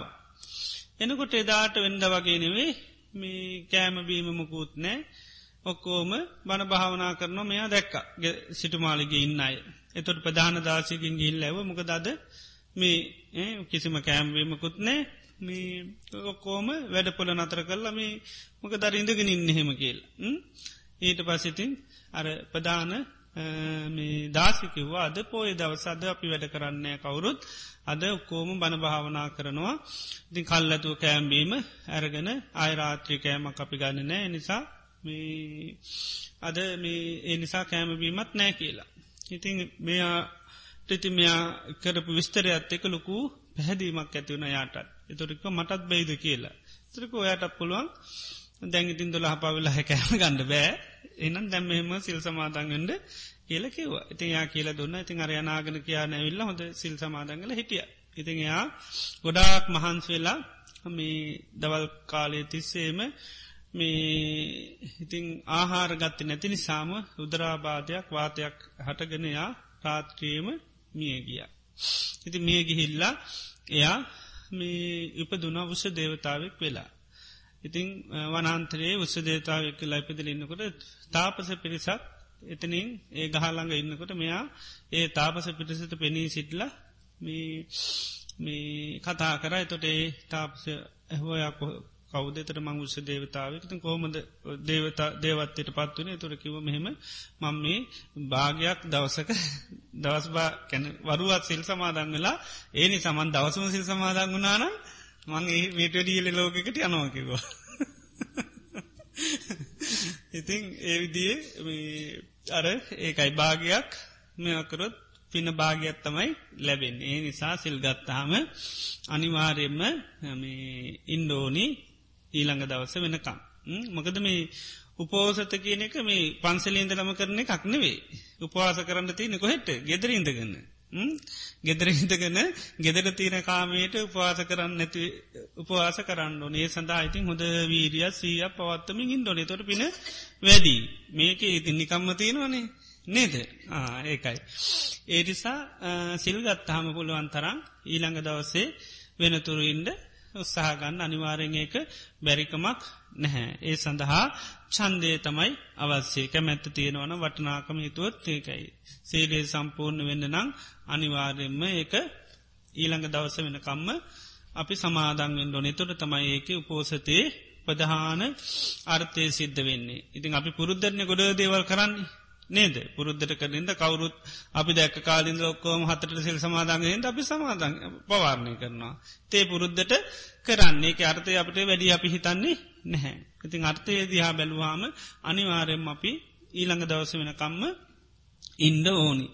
ඒ නිසා දේවල් වල තියෙන අපි වටනාක මිස්මතු කරලා ගණ්ඩුව නැත්තන් අපිට නිකං කවුරුත් කරන නිසා අපි අර පුරුද්ධට සමාර දේවල් සිද්ධ වෙනවා. තේ නිසා මේ උපෝසතය කියන්නේ ඊළඟ දවස වෙනකං ඉන්නට ඕනි. ඉතේතකොට තමයි පරිපූර්ණ වෙන්නේ.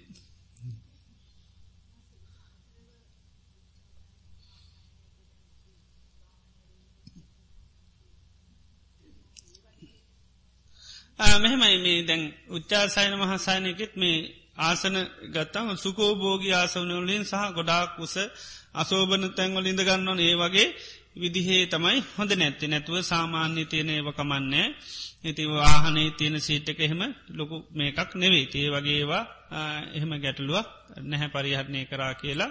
තින් ගෙවල්ලොල ඉතින් මේ ගොඩාක් සැප පාසවාසන තියෙන එදාට පොඩ්ඩක් මිටි තැනක ගිහිල්ලා නිදා ගන්න මිටියසකන තම්බිම එමක දුපවාස කරන කාමයට අපි උපහස කරනවා. සාමාන්‍ය ජීවිතය තොට තමයි අපිට සිහ පිටන අපි මේ වයින් අයින් වෙන්ඩෝන කියලා. නැත්තත් නේද? ආනක එතෝට අපිට සමි ගෙදරඉදගන්න එහෙම කරන්න බැරිකම නැහැ. කාටත් තුර වෙනවා. එතකොට ඒව කරනකොට. ඉතින් ඒ නිසා මේ අපිට හුරුව නැති පස්න තියෙන් ඉතින් කවුරුත් කරප නිසා අපි පවාරණය කරනවා. නැත්තන් ඉස්සර ඉදලම කටේ එලියනකං හිටන අපිට තින්න වෙනවාන. නේද? ආන ඒකයි. ඒ නිසා අපි විමසුවනේ අනිත් අය කර බින්ද අපිත් කරනවා. ආන එක යර තියෙනවාම කතාවක්. මේ එක ආරන්නේක මේ පින්ඩ පාතියනකට ඔක්කෝම ස්වාමින්නාන්සලා මෙහෙම ආසට පාත්‍රය දෙක්කල යන්නේ. ඉතින් අලු ස්වාමින් වන්සනම කිය ආරන්නේයට යනකට ඔක්කොම පාත්‍රය ආසට අල්ලල යන්නේ. ඉති මේ සයින්න සෑම මොකද කියලා. එතරක ලොක හඳුරු අල්ල යන්නේ නිත අපි තල්ල. දැගින්න ලොක අන්දුරුන්ගෙන් ඇවවා උන්වන්සට ඉස්සල ඉටලොක අන්දුර අල්ලල නින්දගේ. එතට මේ හාදුරන්ට ඉතන මක කරි ඇති ඒ ලොක හාදුරුව පාචිකරපු පාත්‍රය ති නොද කිලෑව ඕ කිව්වා. ඒතින් උන්වහන්සේ ගිල් පාත්‍රය ආසට අල්ල බැලු බලන්නට ඉලත්තියෙනවා. ඉතින් ලොක හාදුරුව පින්න පාතයන්න ඉස්සල්ල ඉලවා ගණ්ඩ තමයි ආනාසට අල්ලන්නේ. ඇයි ඇගිල්ලට වැනෝනේ ඇගිල තියාගෙන පින්න පාතයනවා බැරිවෙලත් හොදි මොනවරවේ වුණත් හැලෙන හින්ද. ඉතින් ඒ වගේ නේද? විමසා නොකර තමයි සමාර හිට අපි දේවල් කරන්නේ. ඉතිේ නිසා බලන්ඩෝනි ඒවා කරනකොට හොඳට මේ විමසලා කොහොමද අපේ සීලේ පරිපූර්ණ වෙන්න? සීලේ කිලොට වෙන්න මොනුවෙන්ද ඒවා හොඳට බලලා එතකට තමයි ඒක පරිපූර්ණ සීලයක් හැටියට අපිට දියුණු කරගන්න පුළුවන්. එනිසා කවුරු සිල්රක්කේ විදියට රකිින් නැතුව පරම්පරාවේ සිල්රක්ක විදියට රකින්න ඇත පරම්පරාම වයිසට ගිල්ල සිල්ගන්න නිසාන අපි ගන්න වයිසට ගිල්ල නේද? එහම නැද්ද? ඒ නේද? ඒකයි. වයිසට ගියපුම් වයිසකායගේ තියෙන සීල ස්වභාවඇත්තම සිල් ගැනීම. ඉතිං අපි ඒ ස්වභාවයට අවතීරන්නේ නොනමුත් තරුණ කාලයේදී නෑ. ඉතිං දැඟ මේ අපි ඔන්න කාලයක් අවුදු විසපාකට තියකට ඉස ලම්මල තාත්තල දාලා ගියා සිල් ගන්න නේද? දැන් අපිෝ අපේ දරුව දාලයනවා ඊළඟට ඒ අයික දරුව ඒයි දාලයනවා ඇතින් නේද? පරම්පරාවට එතොට අන්න වයිසට ගි හාම සිල් ගන්න කියන එකත්තම ඔළුවොල්ට ගිහින්තින් දැන් සීලේ තිීන් ෝනි කොයි කාලෙද? අන්න. තරුණ කාල තම ඉතින මොකද සීලයෙන් කරන්න? මොකද? සම්පූර්ණ ආරශ්ා කරලා දෙනවා. ජීවිතේ. සිතකාය වචනය දෙක තුනම ආරශ්ා කරනවා සීලේ තුළින්. ඉති ඒතොට ආරශ්ාව ලැබීතු කාලය අපි සීලි නැහැ. ඉතින් ඒකයි. තේ නිසාර පරම්පරාවට ගොඩක් අපි දේවල් කරන්නේ තේ පුරුද්ධට ඒ කාල වෙනකොට කරනවා. එනිසා එහෙම නැතු අපි ඇයි සිල්රකින් ොන් සීලේ තියන වටනාකමක දේව අපි හොඳට විමසා බලාන්ඩෝන තොර තමයි සීලේ පිළිබඳ අපිට ආන වටනාකම තේරෙන්නේ. එතෝට අපිට පුළුවන්කමට බෙනවා ඒ සීලේ හරියට පරිපූර්ණම රකින්න. ගොඩාක් නැත්තං සීලේ ආරශ්ා කරට ඒ අර්ථය විරහිත වෙනවා. ක්‍රියා ඒක චාරිත්‍රයක් හැටිට කරන දෙයක් බවට පත්වෙනවා. එතට අවබෝධයකින් තොරවනවේ ඒකයි මංගරකව සමහරය සෙල් රකින එවනට සීලේ නිසා රාගදේශ මුහතමයි ඇතිකරගන්න කෙලෙස් ඇතිකන තොටේ සීලේ කිසිම පලයක් නැහැ. හිත ඒකයි. එනිසා කෙලෙස් ඇති නොවන විදිර තමයි සීලේ ආරශ්ා කරගණ්ඩුවන්. එතොර තමයි ප්‍රෝජනය තියන සීලේ.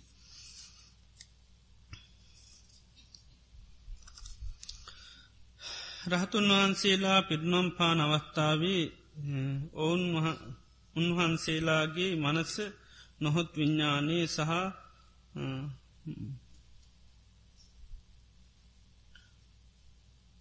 සාමාන්‍ය හා සාමාන්‍ය පොතජ්ජන පුද්ජලයන් මැරණ විට මනස විඤ්ඥානය අතර වෙනස පහදාදනු මැනව.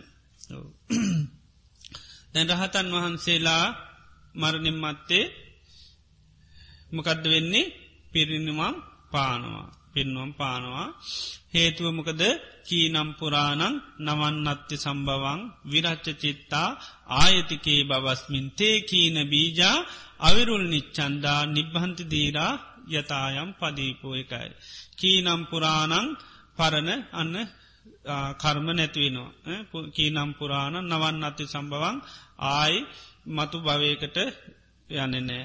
විරච්ච චිත්තා රත්ත කියන් ඇලිලා අන්න ආයතිකේ බවස්සි මතු භවයට තියෙන ආසාාව කියන එක ආන්න සම්පූර්ණම තොර විරත්ත චිත් ආයතිකේ බවස්මින් තේ කීන බීජා. ඒවගේ උන්වහන්සේලාගේ බීජ කැන මේ මතු උපදින තින හයිය අන්න උන්වහන්සේලාගේ ඒ සත්තිය නැහැ. තේ කීන බීජා. අවිරුල් නිච්චන් දෙනි සාය වැවෙන්නේ නැහැ. නිබ්බන්ති දීරා යතායම් පදේපෝ. පහන නිවිල යනවාගේ උන්වහන්සේලා නිවිල යනවා. සාමාන්‍යයගේ මොකද වෙන්නේ? අන්න මේ ආය මතු උපතිකට භවය සකස් වෙලා තියෙන්නේ. ඒ භවය සකස් වෙන්න උපාදාන තියනින් උපාදාන තියන්නේ තන්නහාවතිය නිසා. හිතේ තන්නාවක් යම්දා ජීවිතය තුළ තන්හාවත්තිය නොනම් ඒතාකයාගේ භවය කියනෙක සකස් වෙන. ඒ නිසා සාමාන්‍ය කෙනෙක්වේ මැරණකොට ආනේ ආයුපතක් කරා යනවයාගේ අර බීජ සත්‍යය නැති වෙලානෑ යා අන්න පැළවෙන්න සුදුසු කෙනෙකේ නිසා ආයිහිල්ල පැළවෙනවා ඒකයි. ඉතින් රහතන් වහන්සේලා අන්න ඒ තන්හාාව කියනක සිදල දාලාතියනේ නිසා බීජ තිබුණත් ඊළඟට පොළොව තිබුණත් වැඩන්න වතුර නැතිහිට පැළවෙන්නේ නැහැ.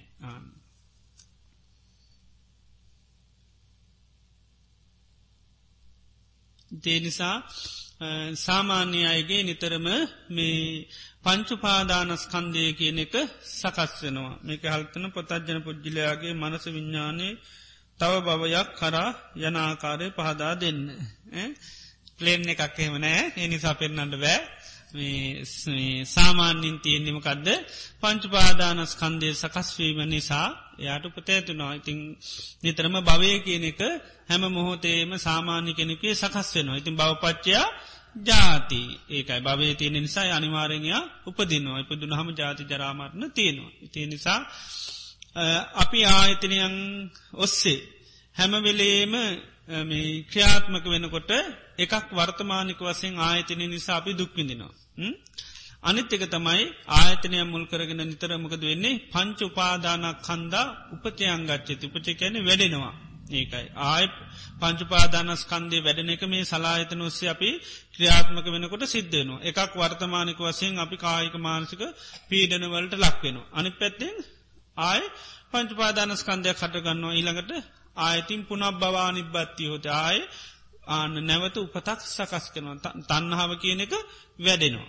තන්නහ වැඩෙනවා ඒ තන්නහ වැඩෙනකොට ආය උපතක් කරා යන්න අවශ්‍ය පසුබිම හැදෙනවා. ඉතින් ඒ නිසා සලායතනයන් ක්‍රියාත්මක වෙන හැමවෙලේම එක පැත්තකින් අපි වර්තමානික වසයෙන් පීඩාවිඳිනවා අනි පැත්තෙන් භවය හැදෙනවා. ආනගේ දෙක අනිවාර්යම ස්ත්‍රිදනා ඒ අනිත් පැත්තෙන් තන්නහාව කියනක පෝෂණය වෙනම මේ සලායතන පාවිච්චි කරන හැමවාරයකම තන්නහාව තමයි පෝෂණය වෙන්න. ඒකයි තන්නහා බලගතු වෙනවා. ඒ තන්නහා වැඩෙන්න්න වැඩෙන්න ආන ආයඋපත තමයි සකස් වෙන්නේ.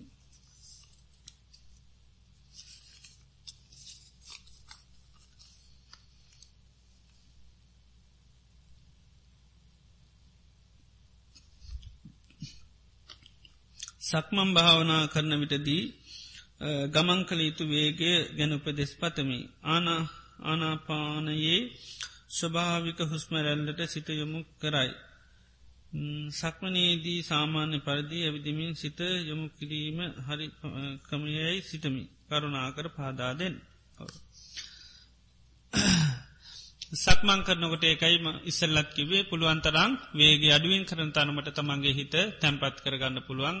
අර කායික අකර්මණ්‍යතාවයක් වගේ තියෙන වෙලාවකදී ඔන්නන් වේකින් මේ කරටකවන්න නිදිමතක් වගේ තියෙනවන අනි තැම වෙලාවේදීම පුළුවන්තරං ඉරියව් බොහෝම සාන්තව හසුරුවන්ඩුනේ තරමට හිත එක් තැන්වෙලා සමාධිගත වෙනවා. තිං මේ ආනාපාන සතිවරණයට තමන්ට ඉරියාව පිළිබඳ හොඳර සිහ පිටවාගනේ භාවනා කරන්න පුළුවන්න ඒවා අයි වෙනස් කරන්න ඕන්නෑ විදිහටම කරගෙන යන්ඩයි තියෙන්නේ. මං ඉස්සල්ලත් කිවේ මේ අලුතෙන් සමාට භාවනා කරම කියල් දෙනවා ඒවා නොවැඩිච්චියයට තවදයක් පාච්චිකානමකද ගොඩක් අය ආනාපාන සති විතරත් දන්න සමහරයට බැරි අයින්වා කරගන්න. ඉතිේ වගේ අයට බුදුරජාන් වහන්සේ ඉතින් වෙනත් ගොඩාත් දේශනා පෙන්නල තිනති අපේ වගේ දේවල් ඉගෙන ගත්තාම් සමාරයට ඒක පහසුවක් වෙනවා. චේතනාහම් භික්කවේ කම්මං වදාමි යන බුද්ධ වචනය අප හැමෝම අසා ඇත. මෙහිදී චේතනාව යනු කර්මය කරන පුද්ගලයාගේ චේතනාව පමණක්ද.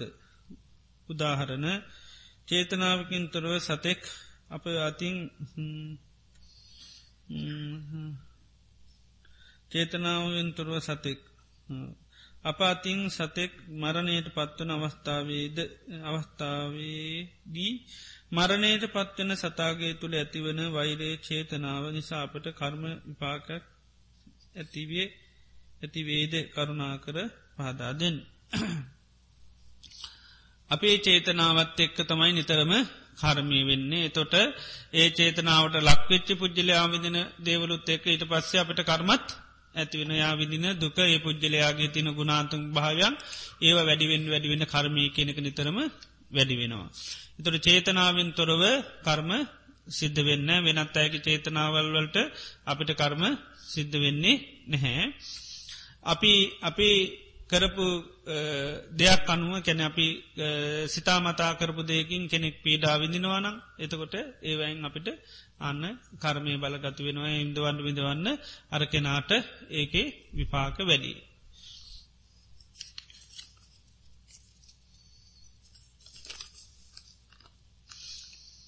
මරණ සතිය තුළ මාගේ සිත සතුටෙන් සමාධිගතන බවත් හැඟින.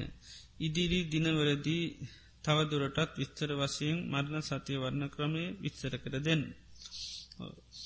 මන්න සති භාවනාව මේ බුදුරජාණන් වහන්සේ ක්‍රම කීපයකට පෙන්නල තියෙනවා සාමාන්‍යින් එදිනෙදා ජීවිතයේදී දවස උදාය උදාවෙනකොටම සිහිකර ගණඩ කියන අද දවස තුළ මට මැරෙන්ඩ විවිධාකාර දේවල් තියෙනවා කණබනො දේවල් දිරවගන්න බැරුව. ඊළඟට සතා සර්පයා දෂ්ට කරලා බයහැපිල වැටිලා වාත පිතසෙම මේවා කුපිත වෙලා. ඊළඟට මනුෂ්‍යමනුෂ උවදුරුවලට ලක් වෙලා මරණයට පත්වෙන්න පුළන් අද කාලෙනම් ගොඩාක් දේවල් නේද. මරණයට හේතු භූත වෙන දේවල් විශාලයි නේද ප්ලේන් එකර නගින් ඩේමිස්සල්ලා නේද?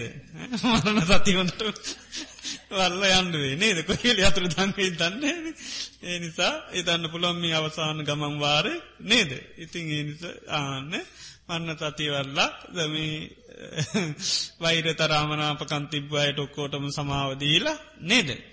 ආන්න නිදහස් වෙලා යන්න පුළුවන්. ඉතින් ඒනිසා මරණ සතිය වඩන්න ගොඩාක් හේතු අද කාලෙතින ඉතින් එනිසා උද උදේවරුවේ බුදුරන් වන්ස්ක නේ විදිට සේකාන්නක නිසා අද දවස තුළම මැරෙන්න්න පුළුවන් මගේ හිත කොහොමද කියල බලන්න කියන. රාගදේශ මහාදි කෙලෙස් වලින් යුත්තද නැද්ද කියලා ඉතින් එහෙම යුත්තනම් හිතන්න කියනවාද මම ඉති මරණයට පත්වෙන්න පුළන් මෙමදු කෙලෙස් සහගතව ම මැරුණුත් එහෙමට මහා විපතක් වෙන්නේ. එතකොට ආන අප්‍රමාදේ ඇති වෙනවා. ඉතින් රාත්‍රී කාලෙත් එහෙම හිතන්න කියනවා. තින් දවසේ හැමවාරයක පුළුවන් තරන්ගේ සිහිය උපදවගන්න පුළුවන් තව මොහොතකින් තව පෑපාකින් අද දවස සමාරලාට මගේ අවසාන දෙනී වෙන්න පුළන් ඒ විදිර නිතරම සිහිය පිහිටුව ගන්න එක මරණ සතිය කියන්න. ඒකයි.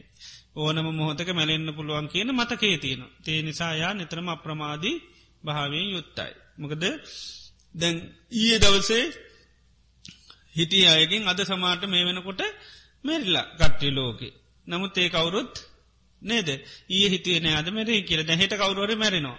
ඒ සමාට අපි අතරෙන් එක්කෙනෙක් වෙන්න පුළුවන් ආනකයි.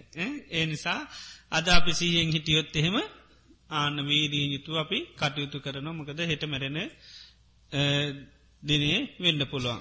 අජ්ජේව කිච්චං ආතප්පං කෝජඥා මරණන්සුවේ හිට මැරේත කියල දන්නේ නිසාදම කරන්න ඕනි කෙ ති මරණ සතිය තුළ නිතරම ප්‍රමාදයකි නිතා බහුලුව දියුණු වෙනවා.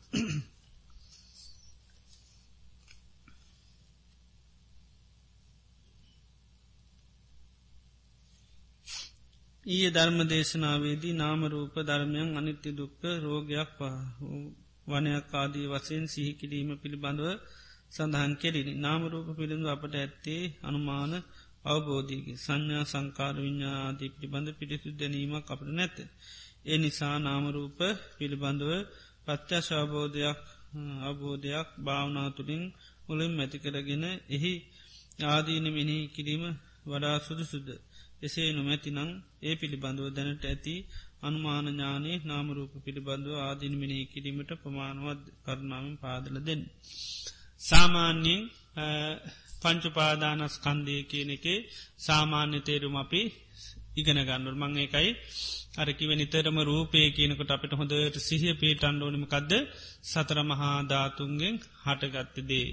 වේදනාව කියනකොට හොඳට සිහ පේටවාගෙන තියෙන්නුනේ සැපදුක්කු පෙක්කාමිදීන් ස්පර්ශපත්තියෙන් හටගන්න. ඉළඟට සංඥා කියනකොට හඳුනාගන්න දේවල්. අපි හැන් රූප හඳුන ගන්නවා. කනින් සදිස්පර්ශ පත්තිෙන් හන්න ගන්න. අන්න සංඥාවකෙන හඳුනාගන්න දේවල්.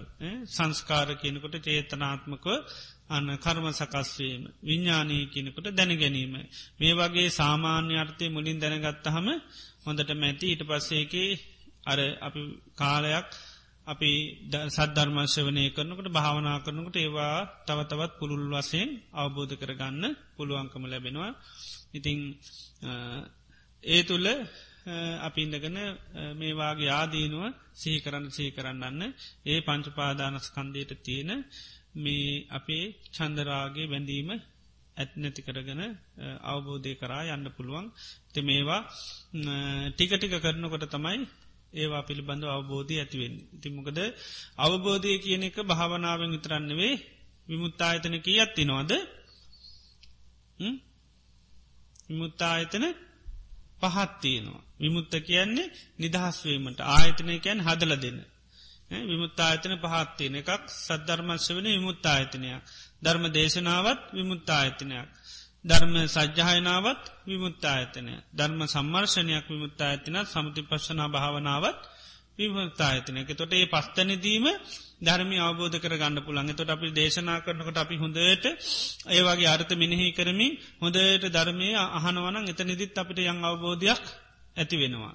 තේ අබෝධය තුළගෙන අපි තව සජ්්‍යහනා කරනවන එතනත් අපිට අවබෝධ කරගන්න තව කෙනෙකුට කියල දෙනවනම් ඒ තුළත් යං අවබෝධයක් ඇතිවෙනවා. එතකට අපි ඒ වගේ අර්ථ සම්මර්ශනය කරනවා ධර්මයන් එතකොටත් අන්න අවබෝධ වෙනවා ඊළඟට සමත වසයෙන් පස්සන අවසයෙන් වරණකොටත් ඒක අවබෝධය නතුට විමුත්තායතන පහත්තින ඔයා අවස්ථා පහෙම්ම ධර්මය අවබෝධ කරගන්න අය ඉන්න. ඒකයි බුදුරයන් වන්සේ කාලේ බනාහනකට සමහරු අන්න ධර්මය අවබෝධ කරගන්න. ඉතිේ නිසා අපි මේ පහම පුරුදු කරනෙන්ද ඒ අවස්ථාවලද අපට ඒවා පිළිබඳුව මේ බනාහනකොටත් රූපේ පිළිබඳව යං අවබෝධයකට එන්න පුළුවන් ඒක තවදුරටත් අපි භාවනාවසයෙන් වන්නට තවත් පුළුල් ලෙස අවබෝධ වෙනවා.